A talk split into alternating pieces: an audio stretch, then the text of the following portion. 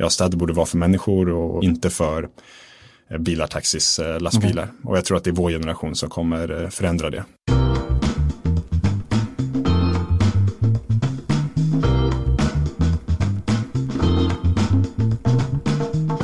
Elskotrarna har blivit ett vanligt och omdiskuterat inslag i många större städer och en av de drivande bakom utvecklingen är svenska Voi Scooters. Voi har gått från 4 till 200 anställda på ett år och värdet på bolaget uppskattas till över en miljard kronor. VDn och medgrundaren Fredrik Hjelm spår i stort sett bilfria storstäder i framtiden. Jag heter Joel Dahlberg och du lyssnar på podden Min första miljon. Men först, några ord från poddens sponsor.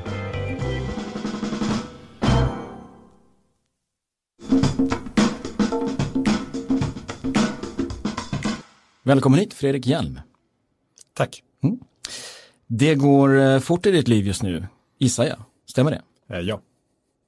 Vad, kan du berätta vilken fas ni befinner er i, i Voi? Så Voi befinner sig nu i en tillväxt, tillväxtfas, både tillväxt uh, ja, vad gäller antalet marknader och länder vi är i, men också i ja, vårt erbjudande kan man säga. Mm. Hur, eh, hur mycket jobbar du? Jag skulle säga att jag och eh, de andra grundarna och eh, en hel del andra på Voi ja, inte har så mycket work-life balance just nu eller det senaste året. Har du någon fritid att tala om? Jag försöker i alla fall en halv dag i veckan ja, släppa, släppa mm. Voi och göra något annat. Jag är gammal längdskidåkare. Eh, så ja, jag försöker göra någonting som har med, har med det att göra. Mm. Vi ska prata mer om, om, eh, om Voi lite senare, men jag, först vill jag bara fråga lite grann om din bakgrund. Det sägs, jag läste om dig innan här, det sägs att du drog igång ditt första affärsprojekt när du var 12. Är det, är det? Stämmer det?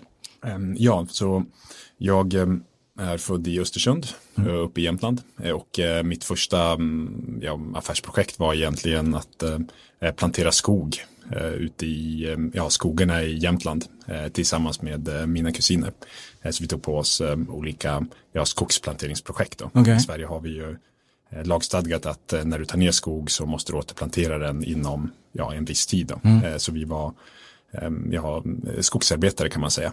Och det var egentligen det första riktiga arbetet vi hade. Mm. Det var monotont. Eh, du åker ut klockan eh, till klockan sju på morgonen, eh, planterar skog hela dagen, samma rörelse tusentals gånger och stannar i skogen till, ja, till sent. Tills det, mörkt. Ja, till, tills det mörknar helt enkelt. Så man lärde sig hårt arbete och också ja, på något sätt värdet av, värdet av pengar mm. som jag tycker man bättre får vid den typen av ackordjobb än mm. ja, en vanlig timersättning. Var det släktens skog eller hur? Eh, både och. Okay. både och. Men förstod du då, det var inte bara så att det var någon som tog med den här tolvåringen utan du förstod så att säga projektet bakom och varför man gjorde det här? Eh, ja, eh, lite så.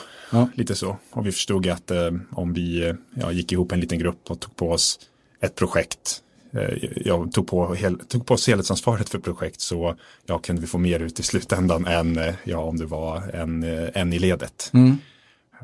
Så ja, det var egentligen starten och mm. sen dess så, mm, ja, så testade vi på allt möjligt uppe i, i Östersund. Vi ja, försökte sälja konserter, sälja festbiljetter, bygga hemsidor, ja, bygga upp ja, säljbolag inom eh, ja, telemarketing. Eh, så vi, ja, vi testade på eh, mm. allt vi kunde komma på. Mm.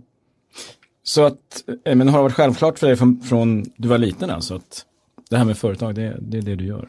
ja, det har det. Och det handlar inte så mycket om företag, utan för mig handlar det om att bygga. att bygga saker. Okay. Jag vet inte om det är någon ja, fascination som kommer från Eh, när jag var liten och byggde lego och eh, jag byggde ja, borgar och eh, piratskepp och annat. Mm. Och det finns fortfarande, ja, för mig är det den starkaste driv, drivkraften att få vara med och påverka och bygga någonting från noll till ja, stort. Det är väldigt mycket jobbigare än att bara ta ett jobb någonstans. Ja, absolut. Men, det spelar ingen roll för dig. Eh, nej, jag känner att för mig, för mig passar det väldigt bra. Eh, jag är jag har lärt mig vad tålamod är, vad hårt arbete är. Mm. Ehm, och eh, jag tror, jag är en ganska stark anhängare av det här med 10 000 timmars regeln. Att om du gör någonting 10 000 timmar så mm. blir du väldigt bra på det. Och vad är det du har gjort i 10 000 timmar då, menar du? Eh, vågat eh, testa nya idéer ja. och eh, jag tror också det här att, att våga att misslyckas.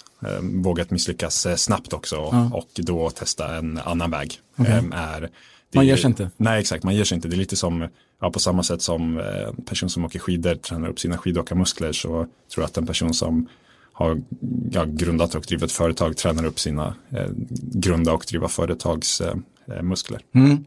Men om man nu ska fortsätta den parafrasen med idrott. Nu är du i tävlingsform alltså. Nu är du på Voi och nu är du i tävlingsform. Exakt, nu, nu skulle man kunna säga att vi, eh, ja, jag och eh, bolaget är i eh, rätt bra tävlingsform. Mm.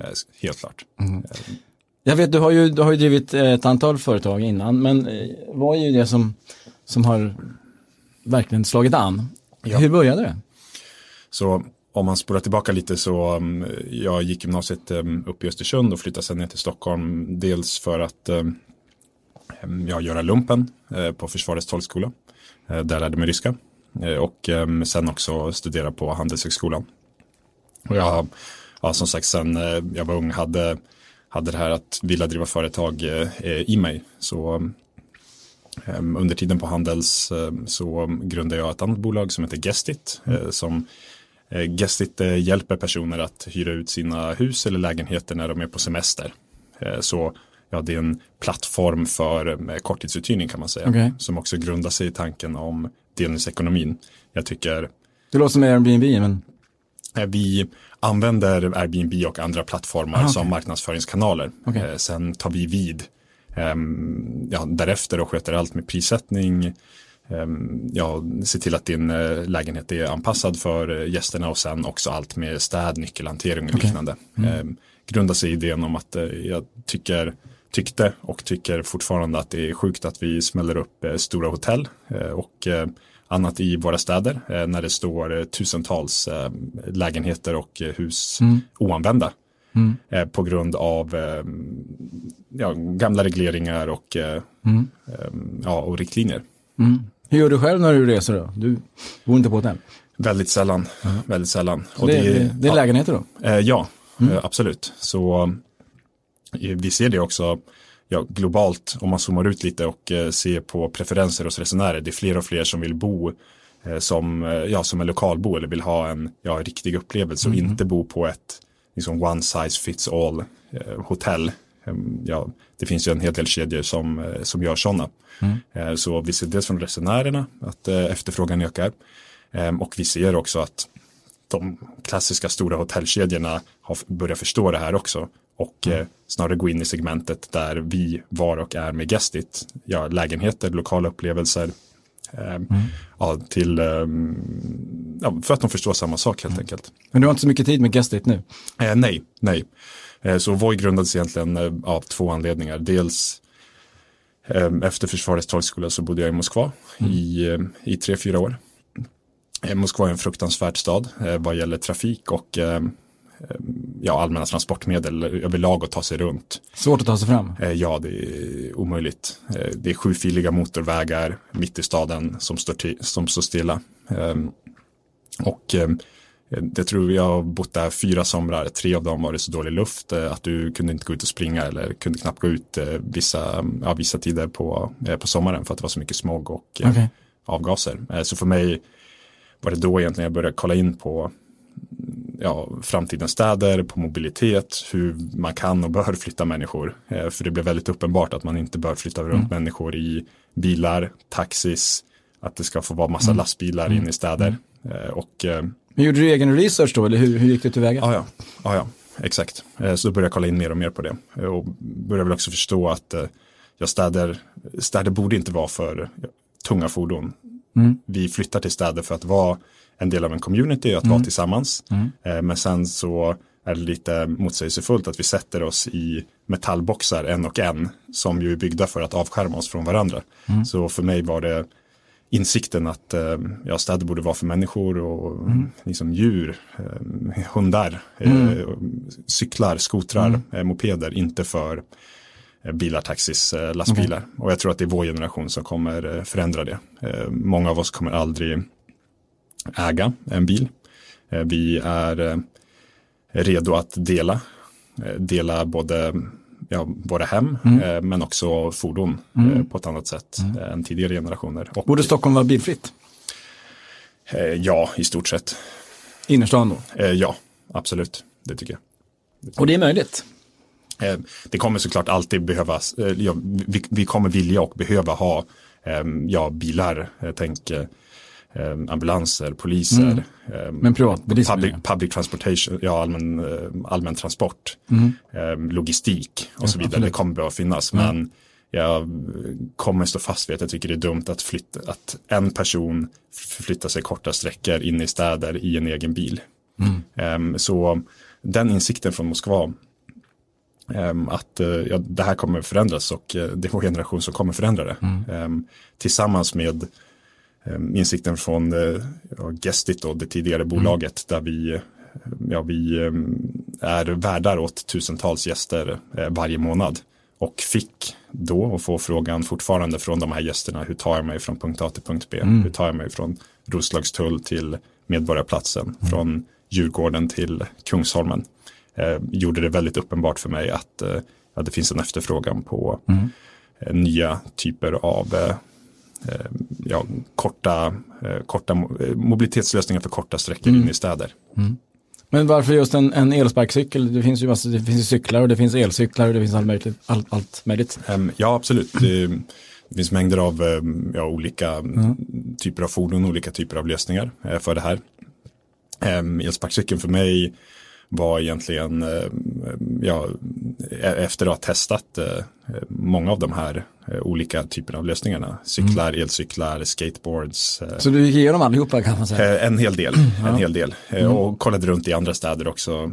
Israel, Tel Aviv har kommit väldigt långt okay. vad gäller det här. Om du åker till Tel Aviv nu så kommer du, ja det är nästan så att det som var ja, bilvägar tidigare nu har blivit ja, framfartsvägar för olika typer av lätta elektriska fordon. Mm. Mm. Där det inte bara skotrar, det är skateboards, det är kickboards, det är skatebikes, eh, ja allt du kan. Allt möjligt. Ja, allt mm. möjligt.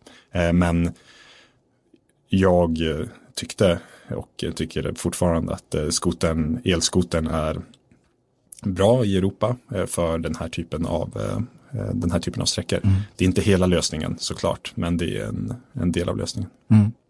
Hur, hur banar er åt? För det måste ju ha funnits massor med eh, motstånd ju, när ni kommer med den här idén. Liksom. För att det, det, det, ja, det är inte helt, liksom, hur, hur, ska det funka och du har eh, en kommun antar du måste övertyga om att det här är en bra idé. Hur, hur gick ni tillväga? Um, absolut, det var och uh, är fortfarande väldigt många utmaningar mm. i det här. Men vi var fyra personer som, ja, som grundade Voi. Det var jag, det var en av mina vänner från Försvarets tolkskola mm. Eh, och sen eh, jag som heter Douglas och sen eh, Adam och Filip som då pluggade på KTH. Mm. Pluggade data, computer science på KTH mm. och okay. hoppade av KTH för att göra det här. Hur träffades ni då? Vi hade träffats genom, ja, jag och Douglas kände varandra sedan, sedan lumpen och Filip och Adam lärde vi känna genom olika ja, meetups eh, som KTH och okay. eh, Handels eh, hade, jag tänker mm. hackathons, okay. där skolorna försöker för, föra ihop ja, talang inom eh, ja, med finans och marknadsföring mm. och redovisningskunskaper mm. och eh, talang inom eh, data. så ja, det var ett väldigt mm. lyckat exempel på, mm. på det. Vad var det som gjorde att ni behövde vara fyra? Kan inte, kunde inte du och Douglas ha kört själva? Um, nej, det kunde vi absolut inte. Uh, vi behöver, i och med det vi gör i Voi nu är väldigt brett. Uh, från en uh, ja, relativt avancerad tekniklösning till mm. ganska tung operationell verksamhet också med mm. all logistik och så. Mm. Så ja, visste vi och kände redan från början att vi ville ha ett ja, diversifierat grundarteam med kunskap både inom data mm. Eh, och inom eh, ja, marknadsföring, eh, operationell verksamhet, redovisning, mm. sälj.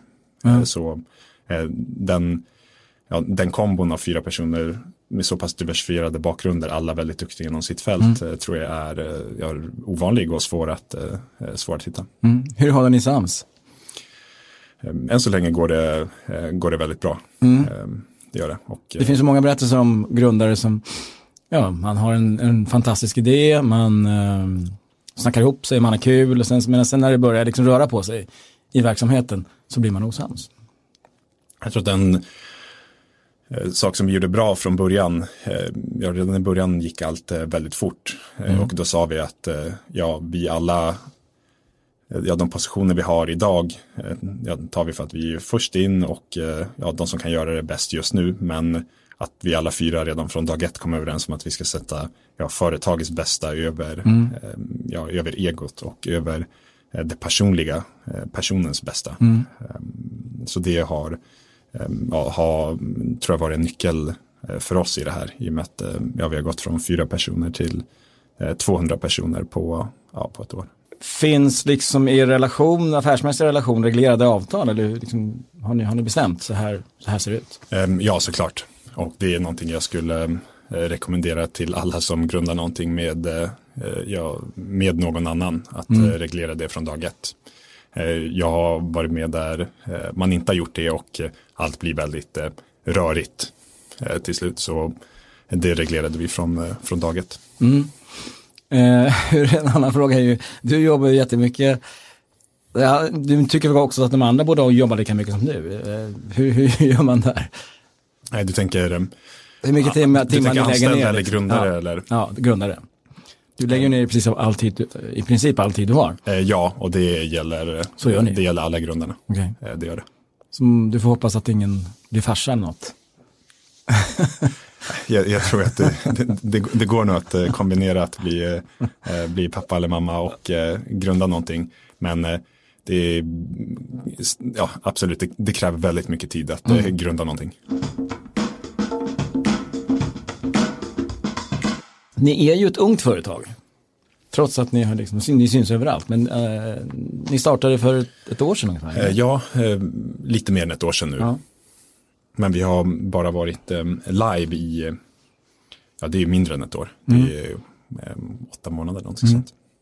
Som, som, eh, som betraktare utanför då så undrar man ju hur, hur tjänar man pengar? Jag förstår att man betalar ju en slant förstås när man använder skoten men logistiken måste ju vara enorm. Att liksom få ut alla dessa cyklar, få in dem på kvällen, natten och ut dem igen. Eh, hur, hur, Liksom, hur ser kalkylen ut, affärskalkylen? Ehm, ja, så eh, för mig och eh, Douglas som leder det operativa arbetet som båda har en bakgrund från militären så liknar det här lite en militär operation. okay. Eh, där ja, det, den är ja, logistiskt och operationellt.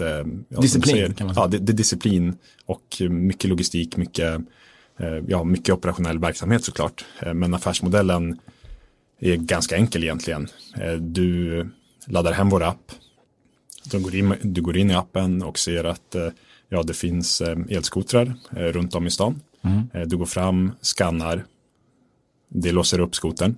Sen åker du dit du ska då och sen parkerar du skotern fint mot ett cykelställ eller mot en vägg eller någon mm. annanstans där cyklar får stå. Och då betalar du en, ehm, ja, ett pris för att låsa upp den, jag säger omkring 10 kronor och mm. sen en, ett pris per minut Okay. Eh, så från, från en till tre kronor per minut mm. beroende på ja, stad, tid på dygnet och motsvarande. Mm. Eh, det, det, det, vad, vad, kan du säga vad en skoter kostar ungefär? Vad är investeringen i, en skoter? Mm, exakt vad vi eh, betalar är ja, kommersiellt eh, känslig mm. info men Ehm, ja, om du går ut på Elgiganten eller Mediamarkt mm. eller något liknande och um, ska köpa en uh, som för personligt bruk så, ja, så tror jag att de kostar 8-9 tusen okay. någonting sånt. Och ni betalar mindre då förstås? Eh, ja, kan man eh, det gör vi. Under fem sägs det ju. Men, Just det. Ja. Eh, Okej, okay. och, och livslängden är ju en, en, viktig faktor här. Just det. Hur, hur länge håller de?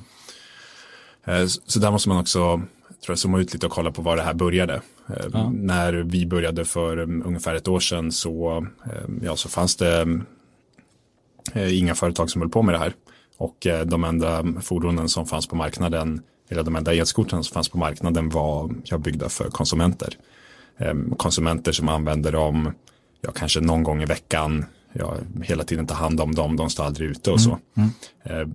Vår användning ser helt annorlunda ut. Okay. Våra skotrar används ja, ganska många gånger per dag. Okay. De står ute stora delar av dygnet. De tas in, de tas ut, de laddas. Okay. Det är helt enkelt, mm. det är he en helt annan typ av krav som ställs på den eh, typen av mm, skoter mm. som ska användas för mm. delningsbruk jämfört eh, med de eh, första modellerna som, ja, som vi hade mm. ute som var byggda för konsumenter. Okay. Så livstiden på de skotrar vi ja, har ställt ut nu och mm. bygger är ja, betydligt, betydligt mycket eh, längre. Och då talar vi år, eh, inte, okay. inte månader på dem. För det har ju talats om veckor ju. Alltså tio veckor har ju snackats om att det är det den håller, men det stämmer inte.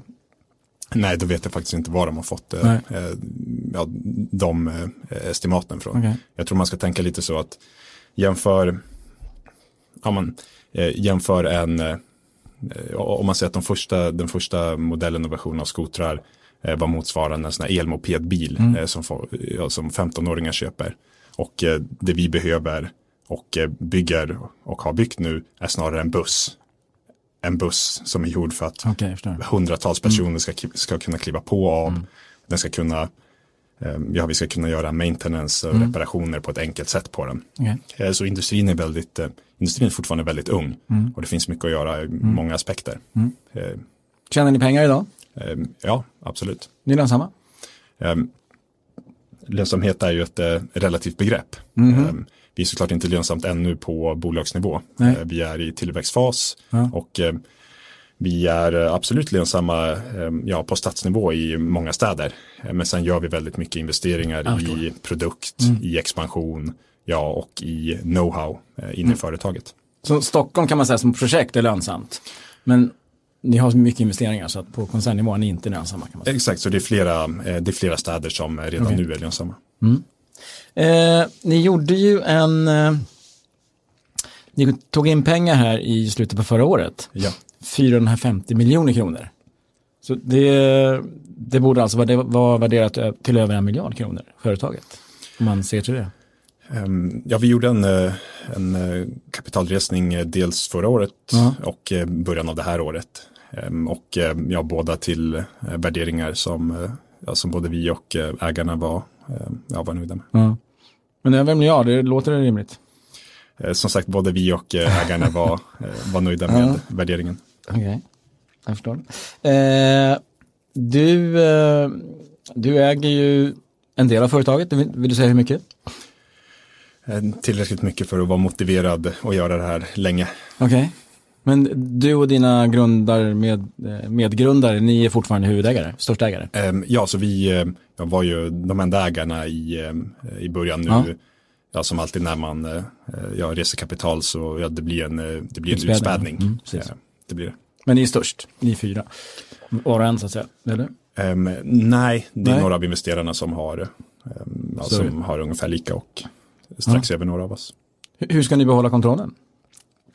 Ehm, jag tror ja, i den här typen av bolag eh, som, eh, ja, som kräver mycket kapital så eh, handlar det Ja, I bästa fall så hade vi fortfarande ägt 90 procent. Ja. Men då hade vi fått gjort avkall på produktutveckling, på expansion och liknande. Det. Så det handlar snarare om att eh, hitta ja, finansiärer som, eh, ja, som man eh, känner sig bekväm med och som man vill ha med på, mm. ja, på en sån här resa. Mm. Och som man kan lita på. Mm. Ska ni till börsen? Har du tänkt? Eh, inga planer på det. Nej. Ni har som ni klarar det kanske nu? Eh, efter ja. ja. Att ni tog in pengar i höstas. Eh, det, det, ser ut som du blir rik på det här på Voi. Eh, hur, hur viktigt är det? Hur viktig är den, den uh, drivkraften? Som sagt för mig den viktigaste drivkraften är att, ja, att bygga någonting. Och nu tycker jag att vi bygger någonting bra. Vi bygger någonting som påverkar ja, väldigt många människor. Mm. Det påverkar hur städer ser ut. Det påverkar hur människor förflyttar sig.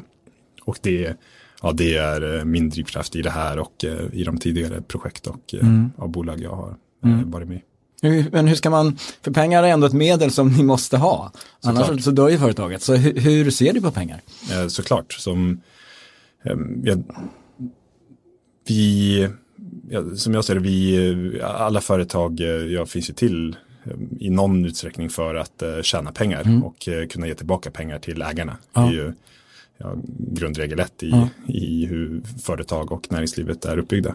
Så vi, behöver, vi bygger absolut produkter för att ja, ge avkastning åt ägarna och åt oss själva. Men vi behöver också pengar för att bygga produkter. Mm. Och bygga produkter som används av användare som mm. användare tycker om, eh, som passar bra i städer och eh, som är en del av ja, den framtid vi, eh, ja, vi vill leva i. Mm.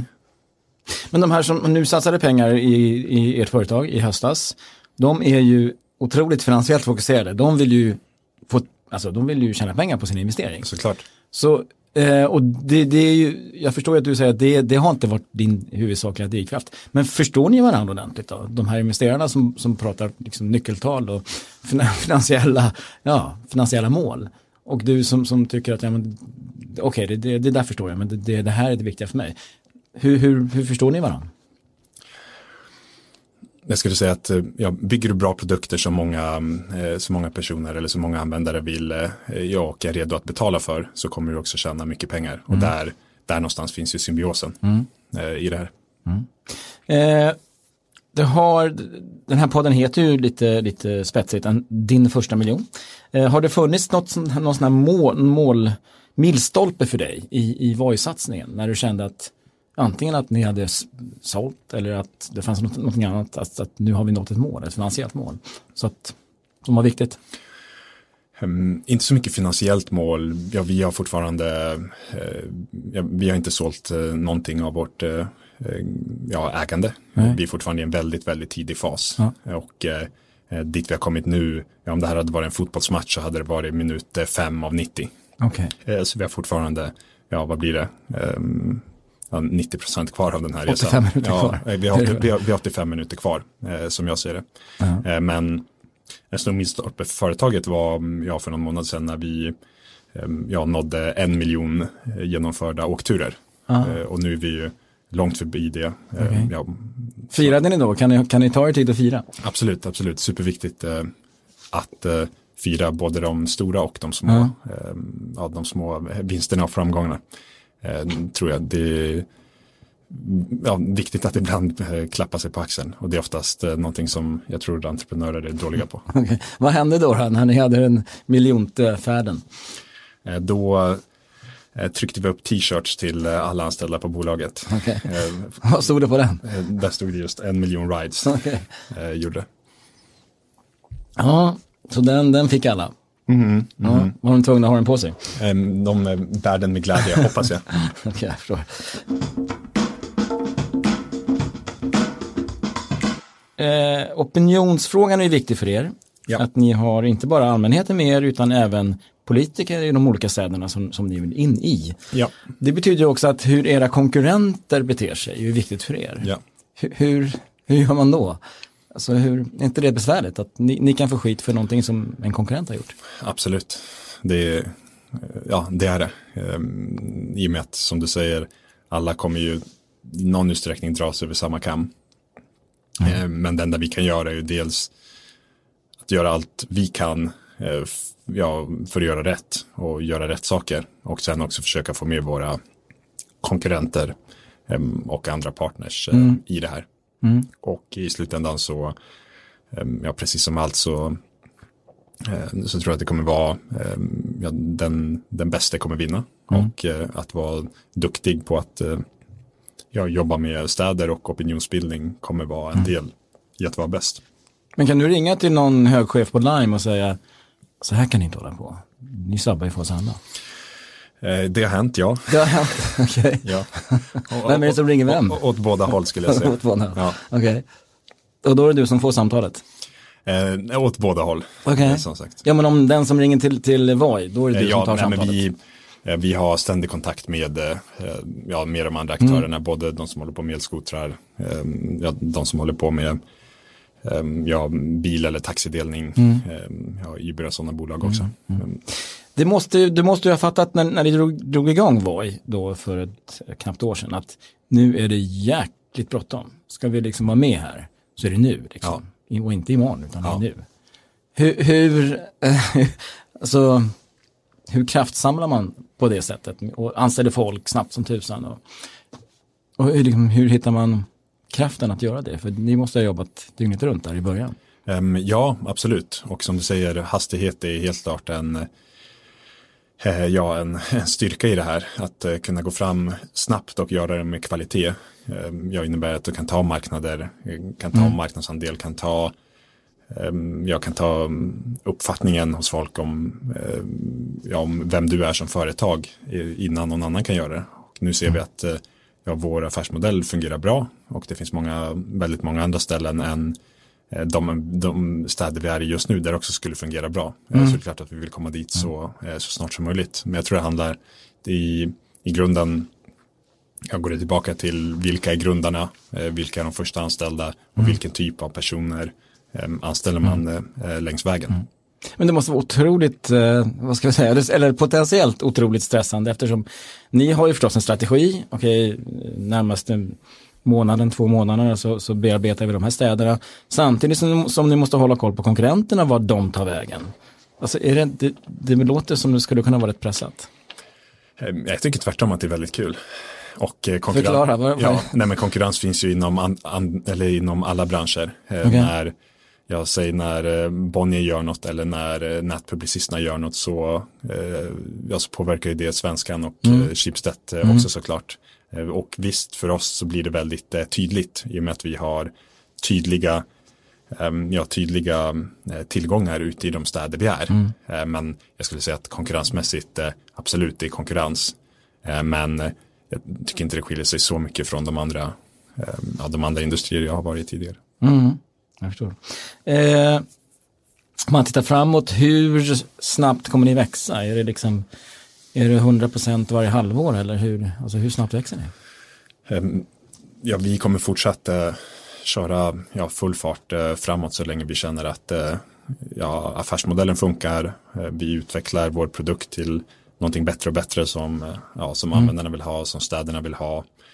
och um, ja, så länge det Eh, ja, så länge det är så så, ja, så fortsätter vi att, mm. Eh, att trycka på gasen. Vad är, det som, vad är det som stoppar? Är det liksom att få fram eh, tillräckligt antal cyklar? Är det personalfråga, att, att ni, har, ni har svårt att hitta personal för att hantera det här? Är det en ledningsfråga, att ledningskapaciteten tryter ibland för att ni hinner inte med? Vad, vad är, är det, är det alla tre kanske? Ja, jag skulle säga att det är det är nog lite av alla tre där. Mm. Industrin är väldigt ung. Eh, produkten i sig är fortfarande väldigt ung. Det finns mycket att göra och förbättra där. Och att hela tiden flytta fram, eh, ja, eller ja, komma längre fram på produkt samtidigt som vi expanderar. Ja, det är hela tiden två steg, två steg framåt, ett steg bakåt, två mm. steg framåt, ett mm. steg bakåt. Mm. Okay. Eh, en personlig fråga är hur länge orkar du i det här tempot? Jag orkar nog i 40-50 år till. Okej, okay. ja. då är ni rätt stora. Ja, ja. ja, ja. kan man gissa. Eh, men, för, men jag förstår det, men eh, då, då, då, är det kanske någonting annat än Voi. För att eh, så småningom så, så, så toppar väl så att säga expansionstakten. Absolut, absolut. Så det är, ja, normalt sett ser det ut lite som en eh, eh, ja, en S-kurva. Ja. Hur ett företag går först går det ganska långsamt innan man, innan, innan man hittar ja, som brukar säga product market fit, mm, mm. att man hittar en produkt som passar med marknaden. Mm. Nu har vi hittat produkt som passar med marknaden. Då går det väldigt, väldigt snabbt uppåt. Mm. Eh, men ja, om ett eller två eller tre år då kommer såklart marknaden vara eh, mer mättad. Mm. Eh, och eh, ja, bolaget, eller i alla fall själva eh, vertikalen eh, skotrar och själva intäktsströmmen mm. hyra ut skoter kommer ju såklart stabiliseras. Men då jag är övertygad om att vi kommer ehm, ja, ha hittat och eh, hålla på med andra lösningar för, ehm, ja, för problem med eh, mobilitet i städer. Mm. Hur många städer finns ni nu ungefär? 18. Och vid årsskiftet, om ett, om ett mm, 6-7 månader? Eh, ja, jag skulle tro 50-60. Mm, Okej. Okay. då talar vi tredubbelt från, ja, från nu. exakt. exakt. Och då, det innebär att du reser mycket antar jag? Eh, jag reser en del, försöker mm. resa eh, jag försöker resa så, så lite som möjligt och mm. vara med, eh, ja, med teamet och fokusera på produkten här mm. i Stockholm så mycket som mm. möjligt. Men det finns andra i teamet som ja, som bara jobbar med expansion och resor väldigt mycket. Mm. Finns det någonting eh, som du ser som skulle, som skulle kunna döda branschen? Eller är det självklart att det här blir stort? För mig är det ganska självklart. Um, vi ser uh, i USA när det, ja, när det här började komma förra året så såg vi en del städer som eh, jag agerade irrationellt eh, skulle jag säga. Mm. De blockade ut det här helt eh, för ett tag. Nu har skotrarna kommit tillbaka i de städerna. Men jag skulle säga att europeiska städer än så länge har haft en ja, bättre och mer kollaborativ approach till det här. Mm. Mm. Där ja, de inser att ja, återigen, det är inte hela lösningen men det är en del av lösningen det är många användare som, eh, ja, som tycker om det. Mm. Eh, så jag, eh, jag tror starkt på ja, dels skotern men också andra mikromobilitetslösningar, mer cyklar, mer, mer elcyklar, mer elmopeder och andra typer av lösningar mm. i städer. Mm. Vilka är de vanligaste frågorna som vi, ni får då när ni ska etablera i en ny stad? Och de här som ska fatta beslut om de ska släppa in det eller inte. Vilka är de viktigaste frågorna de har? Det handlar ofta om ja, hur, hur ser användarmönster ut? Eh, hur många eh, skotrar skulle vi behöva i den här staden? Hur ser vi till att eh, ja, de parkeras på rätt sätt och den typen av frågor. Mm. Okay. Så det, det, är ofta en, en kombo av frågor som grundar sig i att man vill ett, se till att det fortsätter i ordning och reda i staden mm.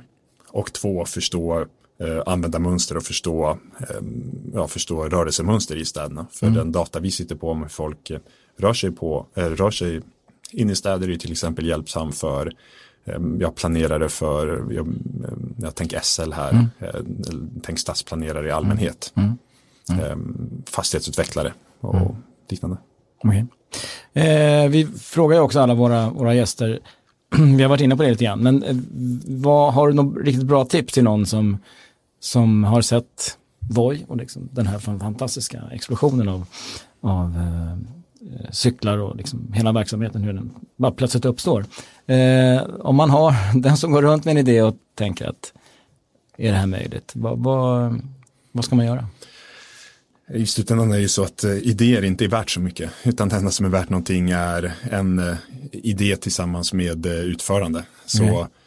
Fokusera mer på utförandedelen än idédelen så i min eh, känsla och erfarenhet att det ofta blir bra.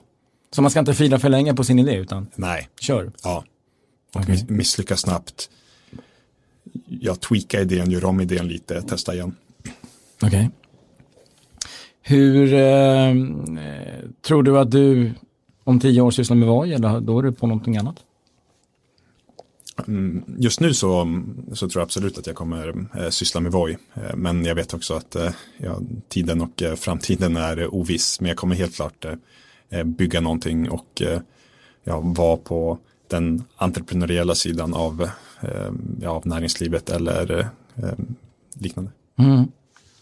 Eh, ska strax avsluta men du har din Voi här utanför antar jag? Ja. ja. Vart ska du nu? Till eh, vårt kontor på Kungsholmen. Eh, vi sitter längst ut på Kungsholmen mot eh, Stadshagen. Mm. I, en, ja, I ett gammalt garage kan man säga. Okay. När var det senaste gången ni tog taxi i Stockholm? För mig väldigt länge sedan. Ja. Eh, väldigt länge sedan nu. Mm. Och eh, vi ser när vi gör undersökningar på, ja, på våra användare också. Jag tror här i Stockholm, den senaste undersökningen, 47 procent av våra användare har, har en bil. Ehm, och om det är 30-40 procent av dem som säger om jag inte hade tagit Voi den senaste gången jag använde Voi så hade jag tagit en bil eller taxi. Mm. Så det är, ja, det är kul att se att vi just ersätter många bil och taxiresor. Okay. Fredrik igen, stort tack för att du kom hit. Tack för att jag fick komma. Mm. Det var veckans avsnitt av Svenska Dagbladets podd Min första miljon. Missa inte förra veckans intervju med Storytels grundare Jonas Tillander som bland annat berättar om hur han tvingades söka sig till SVTs realityshow Draknästet för att be om pengar.